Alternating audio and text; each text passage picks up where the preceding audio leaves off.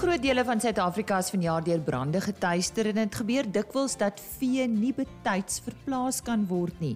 Professor Gareth Bath van die Komitee vir die Welsyn van Lewende Hawe verduidelik vanoggend op RSG Landbou hoe om vee wat deur veldbrande beseer is te behandel. Johan van der Berg is altyd op sy pos met nuus oor die weer. Chris Derksen gesels oor vleispryse. Ons fokus ook op Bitcoin met Frans de Klerk en Agri SA en die Vereniging vir Waterverbruikers is verheug oor 'n hofsaak wat gewen is met betrekking tot die oordrag van watergebruiksregte. Ons gesels met Jan Serabi van Agri SA.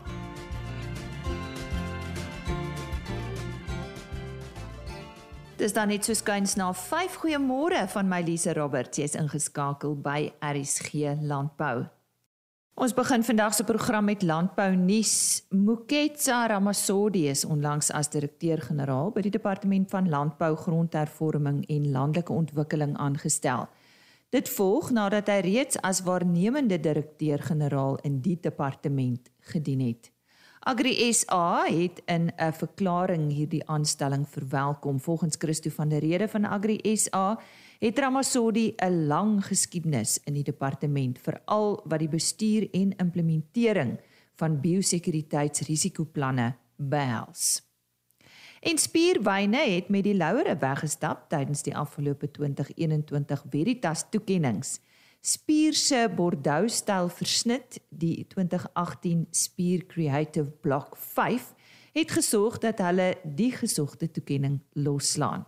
Volgens 'n verklaring deur die organiseerders is 'n rekordgetal dubbelgoud medaljes gedurende die toekenningsgeleentheid oorhandig. Ander uitblinkers was KWV en Destel wat elk 6 dubbelgoud medaljes vol wyne verower het. En dan blyk dit dat trekkerverkope steeds styg. Volgens die jongste data van die Landboumasjinerie Vereniging is byna 4% meer trekkers in Oktober vanjaar verkoop as laas jaar Oktober. Vir die jaar tot dusver is trekkerverkope nou byna 25% meer as verlede jaar se verkope. Kenners meen egter insetkoste het 'n bron van kommer geword vir boere wat aan die begin van die somerplantseisoen staan. Hulle meen dit hou verkope effens terug. Dit is dan sover die nuus. Soos gewoonlik is Johan van der Berg op sy pos met nuus oor die weer. Johan, ons het daarom lekker reën gehad Maandag, eh, daarom so oor die naweek so half begin hierbo, soos wat jy voorspel het. Uh wat het jy gehoor? Ja, daar's maar strepe en kolle wat hy gemaak het, maar uh ek dink dit het nogal baie gehelp veral hier in die Vrystaat het daar gedeeltes begin droog word uh en boere kon nie verder plant nie. Ek dink spesifiek daar in die koppies omgewing, daar daarom so 'n paar millimeter. Uh hier in Bloemfontein het ons ook hier meer as 20 mm gehad. Uh Oos-Kaap se kant toe ook lyk my so 'n bietjie die baie droë. Jansenwil het ook so 10 mm gehad. So dit lyk daarom of hier so 'n klompie gekom het en natuurlik Pretoria het ook lekker reën gehad. Die die noordelike gedeeltes uh daar was redelik swaar reën uh kleiner plekkies in Limpopo So hy het bestreepte en kolle gemaak, maar ten minste is daar arm uh ek dink dit was die reën wat voorgekom het was beter as wat die voorspellings aangedui het. So dit dit bly positief. En hoe lyk vooruitsigte? Is daar kans vir nog? Um ek dink mense kan op hierdie stadium die land so in twee deel, die die westelike gedeeltes uh en ons het al baie daaroor gepraat hoekom die N1 daar gebou is. Uh maar baie keer wes van die N1 reg is die klimaat anders as oos van die N1. So vir die volgende week, twee weke, uh lyk dit redelik droog en warm uh wes van die N1. Uh die die Noord-Kaap en die gedeelte sommer baie warm. Uh daar plekke onseep kans en ander kant Appington lyk my gaan so diep in die 40 grade draai. So baie warm en droë toestande. Maar ooste kant toe lyk dit 'n bietjie minder ongunstig. Uh lyk nie super gunstig vir reën nie. Maar daar is kanse in die volgende week uh vir so ligte buie en dan lyk dit asof dit weer uh die toestande redelik verbeter so in die laaste week na 10 dae van November oor die sentrale en oostelike gedeeltes. Dit lyk nog nie of dit ver weste kant toe gaan wees nie. So ek dink aan die weste kant is daar is daar twee groepe boere, die wat wil reën hê en die wat nie wil reën hê nie en dit raak nou baie krities vir die drywe-boere. Ehm um, so ek dink hulle gaan bly wees. Dit lyk of nie of daar baie reën in die benede Oranje rivier gaan kom in hierdie volgende tyd nie. Uh so droë warm toestande en dan lyk dit asof uh Desember dan weer verbeter. Uh so die oor die algemeen uh is die toestande 'n bietjie swakker dink ek as wat die voorspellings aangedui het. Maar uh ek dink dit kan vinnig verander en ons is nog steeds positief dat die die res van die seisoen baie reën gaan voorkom en dat dit maar net 'n bietjie later uh begin van die regte reenseisoen gaan wees. So sê Johan van der Berg en natuurlik gesels ons volgende week weer met hom. Volgende aan die woord is Frans de Klerk. Hy is 'n onafhanklike tegniese analis. Goeiemôre Lize. Wel, daar is net een instrument wat altyd styg en dit is Bitcoin. Ek weet baie van die boere hou van Bitcoin um, ek sien vanmôre van die analiste praat dat Bitcoin sommer noord van 'n 100 000 dollar kan gaan. Maar ehm um, hierdeur die week het ons nou al gesien dat hy so hoog gegaan het soos ehm um, 66 000 dollar wat eintlik vir jou net wys dat al wat 'n belegger is wat of spekulant wat kan Bitcoin koop, koop hom want hy spring sommer nou 4 5000 dollar op 'n dag. So dit klink vir my die boere hoef nou nie meer te plant nie. Al wat hulle hoef te doen is hulle koop Bitcoin. Maar nou wil ek vir boere waarsku. Ehm um, as ek kyk na die weekgrafiek. Uh Bitcoin is nou wel op 'n splinter nuwe hoogtepunt, maar ons gebruik 'n indikator met die naam van 'n stogastiese indikator. En die stogastiese indikator wys nou dat op 'n weeklikse grafiek dat hierdie indikator waarsku en dat hy sê Bitcoin hardloop te ver, wees versigtig vir hom. Uh dis nie te sê dat jy jou winste moet vat nie, maar wees versigtig want die eerste kraakie gaan wees onder 64780. En nou kan boere sommer sien, ek praat nou sommer van 2000 dollar vlakke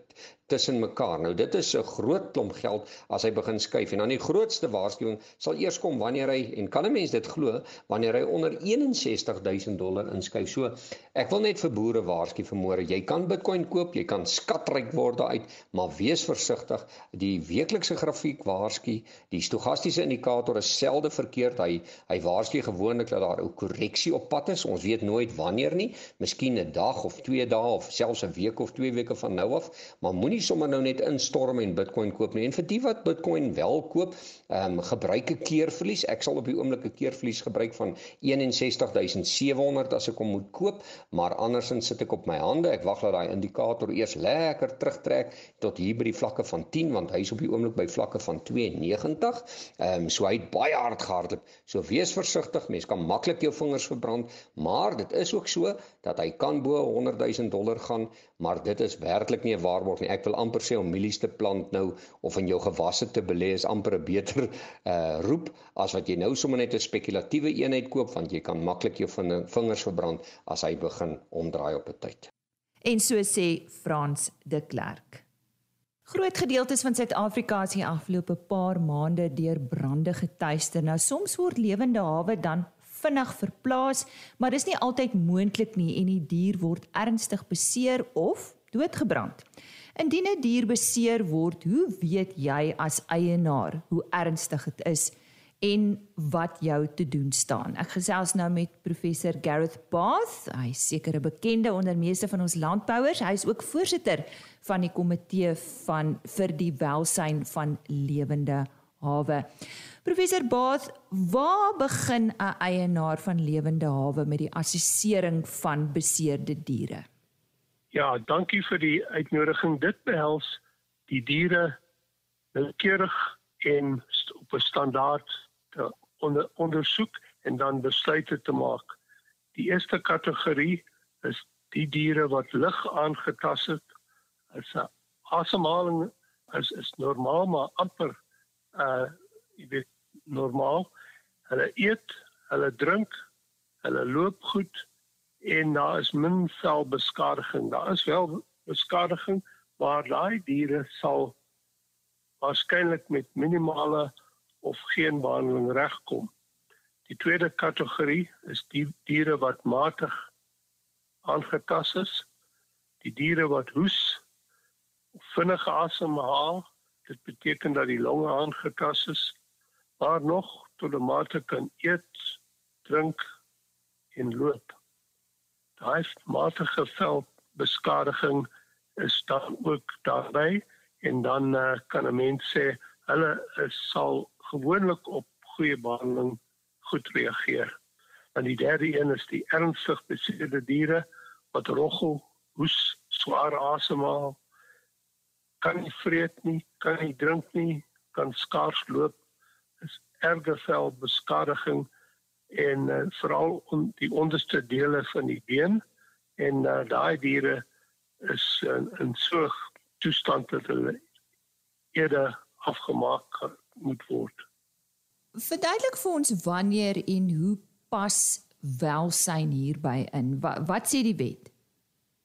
Ja, daar is 'n dierebeskermingswet wat die eienaar van enige dier verplig om diere te versorg en waar nodig te genees of andersins op 'n menslike wyse van kant te maak.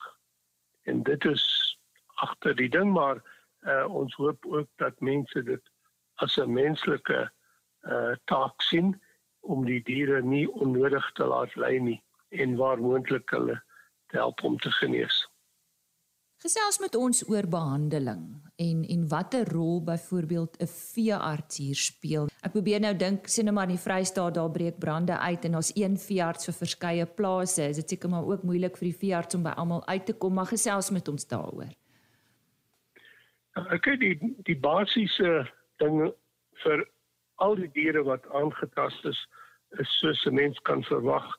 Jy weet die voorsiening van kos en water in 'n leerplek en beskutting.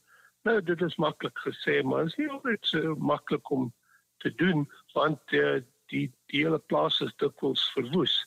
Maar dit is die eerste ding wat moet gebeur en dan moet 'n mens besluit volgens die waarde van die diere, hoeveel diere is aangetast, hoeveel mense is daar om hulle op te pas en dan uh, die koste van die behandeling uh, en dan die kanse op sukses om te besluit. Maar gewoonlik sê ons as die longe aangetast is, is antibiotika absoluut noodsaaklik want dit lei tot longontsteking en die dood as jy dit nie doen nie.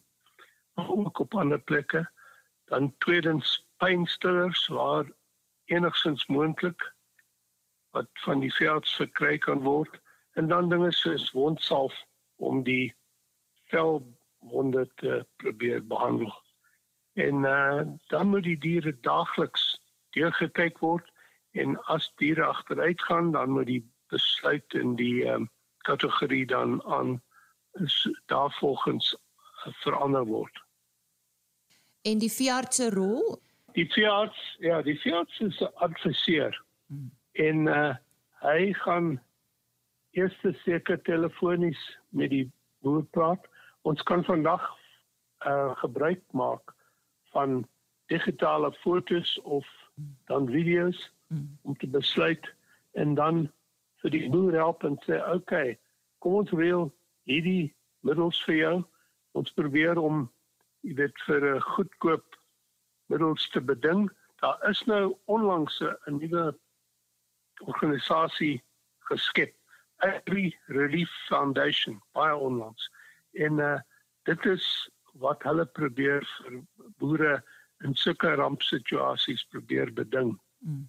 En dan uh, die veearts kan dan ook help om te om uh, die kategorieë uit te wys sodat die boer kan sien wat in watter kategorie val sy beeste of skape.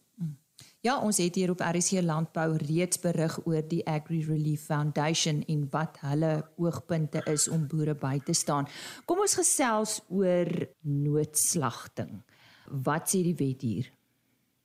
Ja, mense wat uh, nou hierdie ramp deurleef het, is geneig om te dink ek moet die diere na die slagpale toe stuur om noodslagting te doen, maar ons moet onthou daar is 'n vleisveiligheidswet wat sê dat diere wat nie in 'n toestand vir slagting is wel nie eers gelaai moet word nie. En as hulle by die slagpale uitkom, sal hulle in alle waarskynlikheid dan afgekeur word en dan van kant gemaak word, dan het die boer al daardie onkoste van die vervoer en die ekstra lyding van die diere absoluut verniet gehad.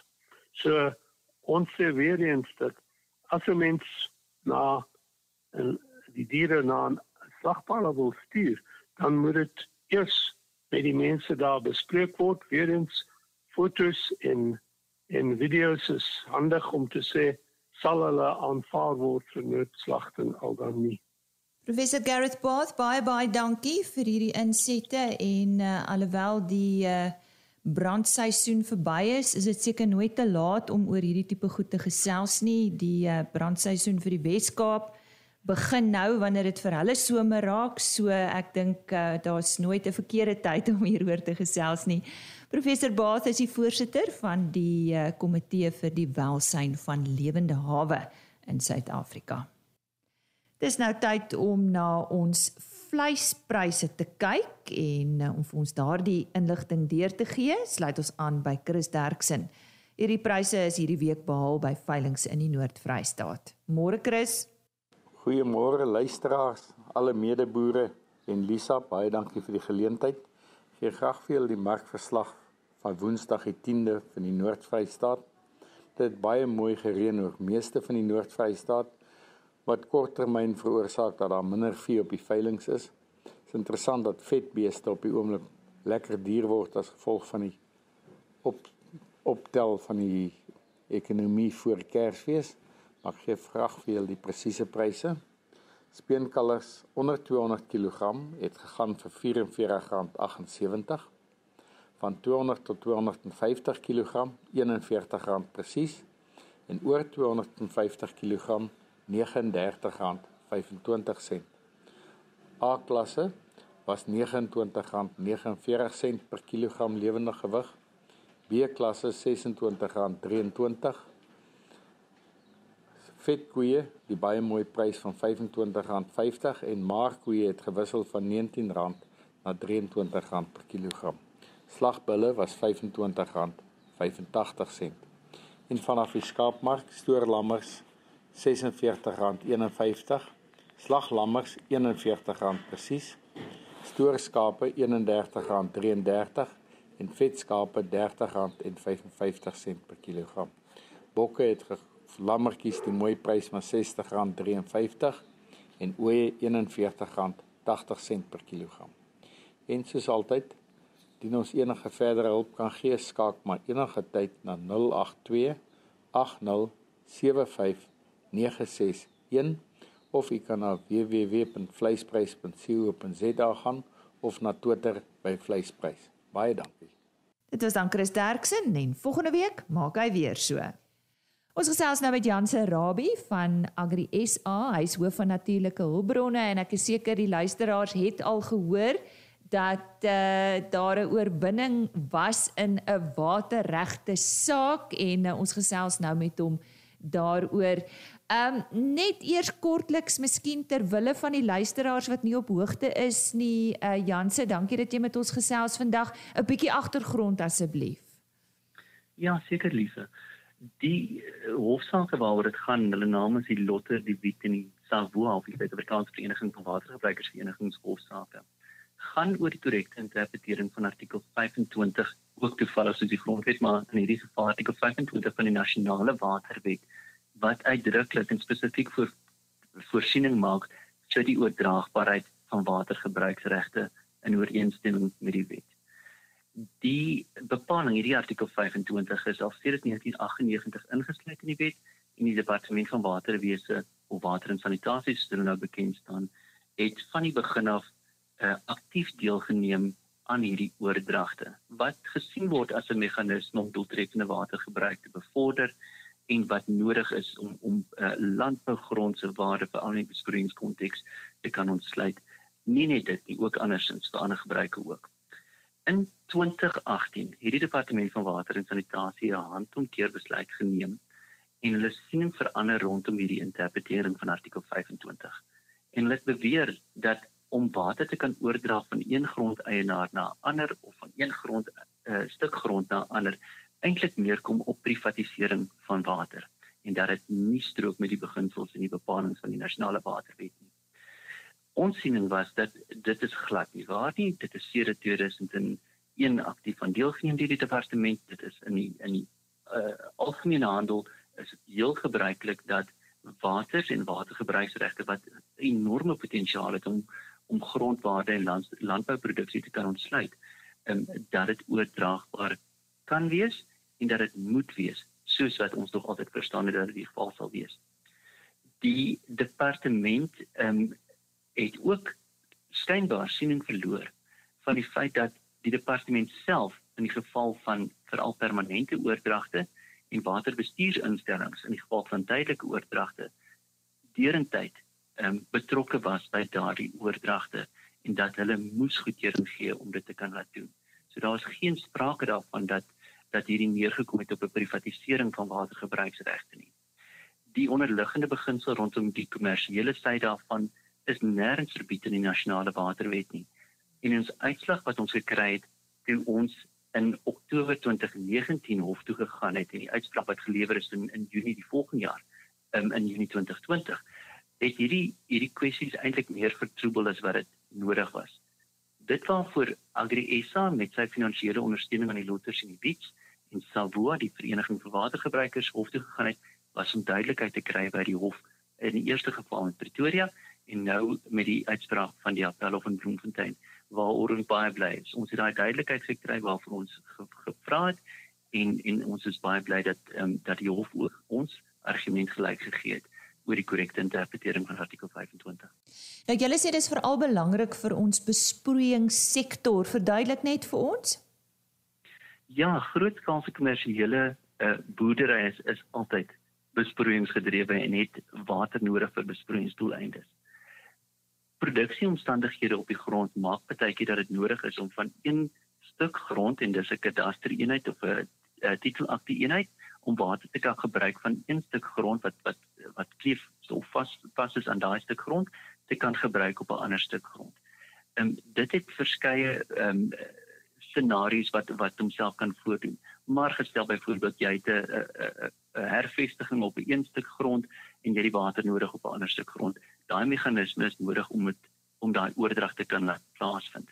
Ehm um, dit kan ook so wees dat 'n mens van 'n sekere hoë waarde gewas wat vir besproeiingsdoeleindes beskore is, water van 'n stuk grond aanliggend daartoe ehm um, nodig het om daai gewas optimaal te kan verbou. Daar's ook natuurlik 'n verskeidenheid um, moontlikhede wat homself op dié manier kan uitspeel. Um, maar is dit is nodig vir 'n persoon om sekerheid te hê dat hy daai water wat tot sy beskikking is kan aanwend op ander plekke of dit nou tydelik is in die geval veral van besproeiingswater of permanent met die uh, met die onderliggende beginsel dat 'n mens moet aansoek doen vir. Is daar 'n boodskap van Agri SA en Savoa se kant af vir ons produsente? Ons is 'n landbouprogram en jy praat nou hier met die boere. So wat wil jy vir hulle sê? Lise, ek dink dit is baie belangrik dat daar nie ehm um, die die wanvoorstelling moet wees dat water vrylik beskikbaar is om oorgedra en te gekoop en verkoop te kan word nie. Mm. Dit moet werklik plaasvind in terme van wat die nasionale waterwet toelaat voor. Mense en ons weet dit is die geval in sekere plekke wat by jou aankom en vir jou met 'n sak geld uh jou waterregte wil koop. Dit kan nie gebeur nie. Mense moet baie versigtig wees. Mense wil amper sê dis soos ja, 'n eers jy wil nie jou eersgebore reg wil jy verkoop aan iemand sonder dat daar 'n volle begrip is van wat die nasionale waterwet voorskryf oor hoe dit gedoen mag word nie en ons wil mense attent maak dat dit nie geval is nie en, en, en nie die bedoeling is om water so te kan oordra nie. Definitief instaan. Ek dink hier is 'n besondere ehm um, goeie uitspraak wat regsekerheid is vir al die watergebruik konteks vir al vir besproeiings uh, boere um, tot gevolg het. Jansen nou, nou nou ja namens uh, almal baie geluk met hierdie wen oorwinning in hierdie waterregte saak. Ons het gesels met Janse Rabie hoof van Agri SA se sentrum van uitnemendheid vir natuurlike hulpbronne. Onthou RSG landbou onderhoude is op die volgende webtuiste beskikbaar. Dit is www.agriorbit.com. Kyk net bo in die bladsy onder podcast en dan RSG Landbou. www.agriorbit.com. Die volledige program ook natuurlik op die RSG webtuiste beskikbaar onder potgooi en ek sluit af met ons uh, e-posadres rsglandbou@plaasmedia.co.za. Ek kuier dan weer graag maandagooggend saam met jou vir nog 'n aflewering van RSG Landbou. Geniet jou naweek. Wees maar rustig. Dit raak so besig hierdie tyd van die jaar. Totsiens. RSG Landbou is 'n plaas media produksie met regisseur en aanbieder Lize Roberts en tegniese ondersteuning deur Jolandi Root.